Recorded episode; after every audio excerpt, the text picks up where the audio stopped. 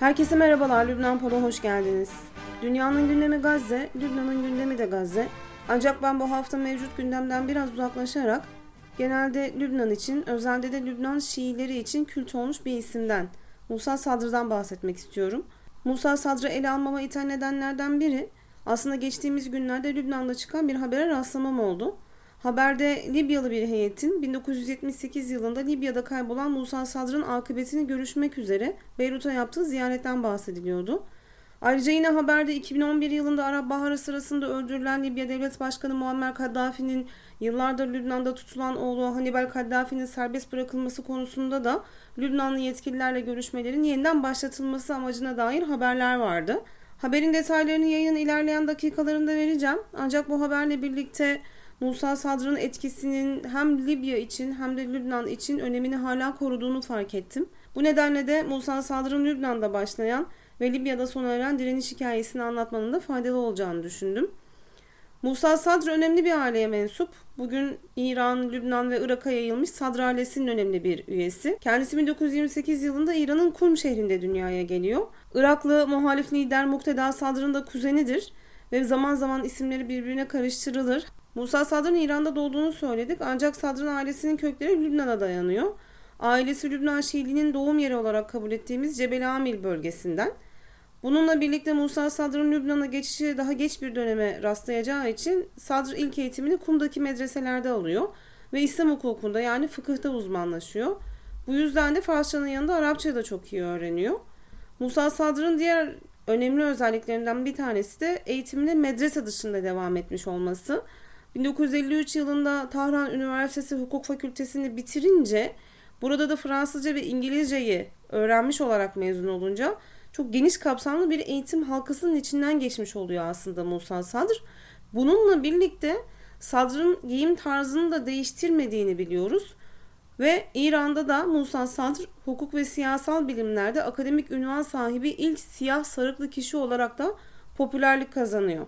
Sadr'ın Lübnan serüveni ise ilk kez 1957 yılında başlıyor. Akrabalarını ziyaret etmek için Lübnan'a geçiyor Sadr, Sur tarafına, Sur bölgesine yani güney bölgesine. Lübnan'daki Şiilerin sosyal tabandaki zayıflığını da gördüğü için Sadr hocalarının da izniyle Lübnan'a yerleşmeye karar veriyor.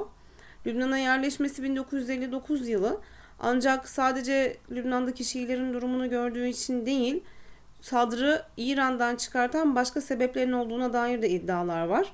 Bunlardan bir tanesi de Musa Sadr'ın İran Şahı'na karşı çok ciddi bir muhalefette bulunması, muhalif bir tavır takınması, bu nedenle de Şah'ın dikkatini çekmiş olması. Zaten bu iddiaların güçlülüğü de Musa Sadr'ın 1963 yılında İran vatandaşlığından resmi olarak çıkarılmasını da desteklediği için İranlı Sadr arasındaki muhalefeti de veya işte problemi de sorunu da anlamış oluyoruz. Sadr'ın İran vatandaşlığından çıkartılması Lübnan'ın dikkatini çekiyor ve dönemin başbakanı Fuat Şiham Musa Sadr'a özel bir kararname çıkartarak hem Lübnan vatandaşlığı hem de Lübnan diplomatik pasaportu tasfiye ediyor. Bu şekilde de Musa Sadr artık resmen Lübnanlı olmuş oluyor. Sadr'ın Lübnan'a yerleşmesinde Şiilerin içinde bulundukları ezilmişlik ve kötü şartlardan bahsettik. Bu şartlar Sadr'ın bir Şii olarak Lübnan'daki mezheptaşları için girişimlerde bulunması gerekliliğini ortaya çıkarttı. Şiilerin siyasi ve toplumsal olarak güçlenmesi de zaten bu aşamadan sonra başlamış oldu. Musa Sadr öncelikle Şiileri yoksunluktan kurtarmak ve toplumda görünür olmalarını sağlamak adına Şiilerin siyasi bir kimliğe sahip olmaları gerektiğini düşünüyordu. Çünkü Şiiler o dönemlerde 1950'lerde 60'larda 70'lerin başında çeşitli fraksiyonlara katılarak kendilerini ifade etmeye çalışıyorlardı. Bunların başında da Lübnan Komünist Partisi geliyordu ve diğer solcu ve komünist örgütler de Şii üyelere sahipti. Öncelikle Musa Sadr Şiileri İslami bir çatı altında toplamaya niyet etti. Bu yüzden de Şii halkla bağ kurarken bir yandan da Lübnan'daki Sünni ileri gelen din adamlarıyla görüşmeye devam etti. Aslında Sadr bir müçtehitti. Müçtehit ünvanı almıştı. Ancak Lübnan'da da çok ciddi bir dini söylem kullanmak istemedi. Ee, daha modernist bir din anlayışına sahipti. Çünkü daha önce de ifade ettiğim üzere medresenin yanında e, üniversitede de eğitim aldığı için seküler bir eğitim sisteminden de geçmişti. Ve entelektüel yeteneğinin daha çok dini alanda değil de politik ve sosyal alanda göstermek istiyordu. Kısacası dünyevi olgularla ilgileniyordu. Ve e, bunun için Her ne kadar Şiileri İslami bir çatı altına toplamak istese de Lübnan'ın sosyopolitik şartları nedeniyle Musa Sadr Şiilerin daha eşit bir şekilde temsil edilmesi adına Lübnan'daki Hristiyan gruplarla da iletişime geçmeye başladı. Malumunuz Lübnan çok mezhepli bir ülke olduğu için politik ve sosyal ilişkiler kurarken sadece kendi mezhebiniz üzerine hareket edemezsiniz. Diğer dini gruplarla da sürekli temas halinde olmanız gerekir. Musa Sadr'ın da zaten açıkçası mezhepsel sisteme bir itirazı yoktu. Sadece Şii kimliğini kabul ettirmek gibi bir çabası vardı. Tüm bu sebepler bir araya gelince 23 Mayıs 1969 tarihinde Lübnan Yüksek Şii İslam Konseyi'ni kurdu ve bu konseyin başına geçti. Yüksek Şii İslam Konseyi kısa sürede o kadar başarılı oldu ki Musa Sadr Lübnan'daki Şiileri bir araya getirmeye başarırken Suriye Devlet Başkanı Hafız Esad'ın talebiyle Nusayrileri de Şiiliğin bir kolu olarak ilan etti. Daha doğrusu ilan eden fetvayı verdi ve Suriye'de büyük bir siyasi ve mezhebi dönüşüme imza attı. Bu detay önemli. Çünkü e, 1973 yılında Suriye'deki gelişmeler önemli. 1970 yılında Hafız Esad kansız bir darbeyle Cumhurbaşkanı olunca Suriye'nin başına ilk defa Nusayri bir devlet başkanı gelmiş oluyor. Bu durum da doğal olarak Suriye'de tepkilerin ortaya çıkmasına yol açtı. Çünkü e, 1973 yılında bir anayasa değişikliğine gitmişti Hafız Esad ve bu anayasada devlet başkanının Müslüman olması gereklidir ibaresini kaldırmaktan yanaydı e, ve kaldırdı da ancak çok ciddi tepkilerle karşılaştı. Daha sonra tekrardan aynı maddeyi koydurmuş olsa da bu sefer Nusayriler Müslüman mıdır ki sorusu sorulmaya başladı. Hafız Esad'ın işte o anda imdadına Musa Sadr yetişti ve Yüksek Şii İslam Konseyi 1973 yılında Nusayriliğin Şiiliğin bir kolu olduğuna dair fetva yayınladı. Bu hem Musa Sadr'ın etkisini Lübnan dışına çıkarmış olmasında hem de Hafız Esad'ın Nusayriliği Şiiliğin bir kolu olduğuna dair tescillemesinde de büyük katkı sundu. Lübnan'a dönecek olursak Sadr'ın kısa sürede Lübnan Şiileri arasında ciddi bir popülarite elde ettiğini görüyoruz. Ve bu popülarite ilerleyen dönemlerde kendi ideolojisini de aşıyor Sadr'ın ve Musa Sadr diğer mezhepsel gruplara açık olduğunu göstermek için Yunan Katolik Piskoposu Haddad'la bir araya geliyor ve 1974 yılında Mahrumlar Hareketi'ni kuruyor. Buradaki amaç ise sadece Şiileri değil aslında Lübnan'da tüm dışarıda bırakılmış yoksun kılınmış Lübnanların acılarını dindirmek olduğu mesajı veriliyor. Bu yüzden de Mahrumlar Hareketi Hristiyan politikacılar tarafından da destekleniyor. Ancak 1974 e, tarihi tahmin edeceğiniz üzere iç savaşın başlamasından çok kısa bir süre önceye denk geliyor. Ee, yine de Musa Sadr'ın 1975 yılının hemen öncesine kadar etrafında on binlerce kişiyi topladığını, gerektiği yerlerde hükümeti protesto etmek için grevler düzenleyebildiklerini, hükümete ultimatomlar gönderdiklerini görüyoruz. Yine de Musa Sadr'ın bu çabaları 1975 yılına kadar sürüyor ve 1975 yılında Lübnan'da iç savaş başlıyor. Musa Sadr iç savaşla birlikte toplumsal çabalarını askeri çabalara dönüştürmeye karar veriyor ve toplumsal örgütlenmelerden kayarak Şiilerin oluşturduğu silahlı bir hareket kurmaya karar veriyor. İşte bugün Şiileri temsil eden iki partiden biri olan Emel yani Efvaj el Mukaveme el Lübnaniye Lübnan Direniş Tugayı Musa Sad'ın kurduğu bir milis gücü olarak 1975 yılının Temmuz ayında Lübnan'da ortaya çıkıyor. Emel bu arada aynı zamanda Arapçada umut anlamına da geliyor. Yani Sadr bu noktada çok yönlü bir isim koydu kendi örgütüne.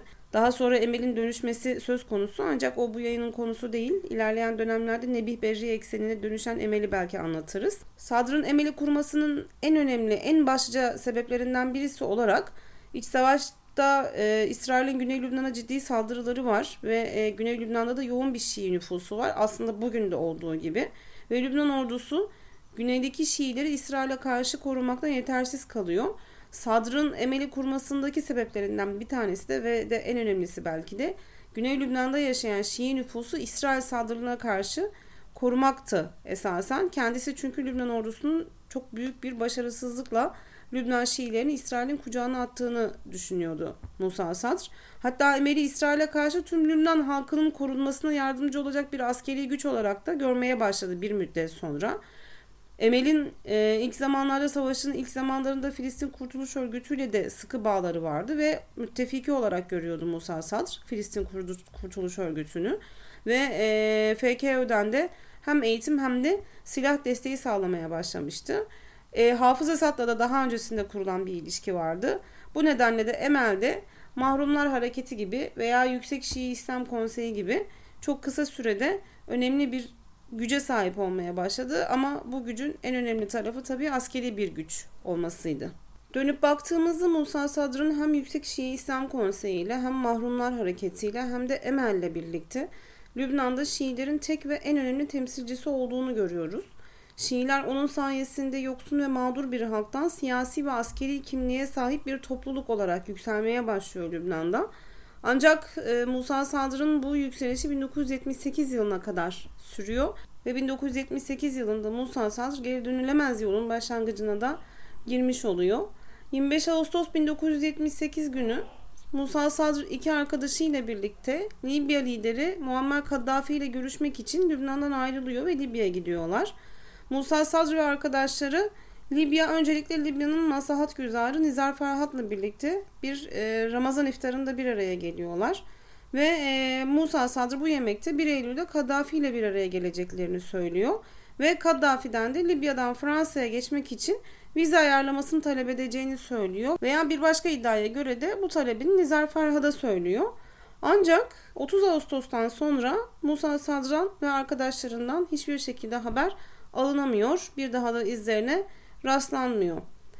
Musa Sadr'ın Libya'da kayboluşuyla ilgili tabii ki onlarca, yüzlerce iddia ortaya atıldı. En e, dikkat çeken iddialardan bir tanesi Muammer Kaddafi tarafından öldürüldükleri.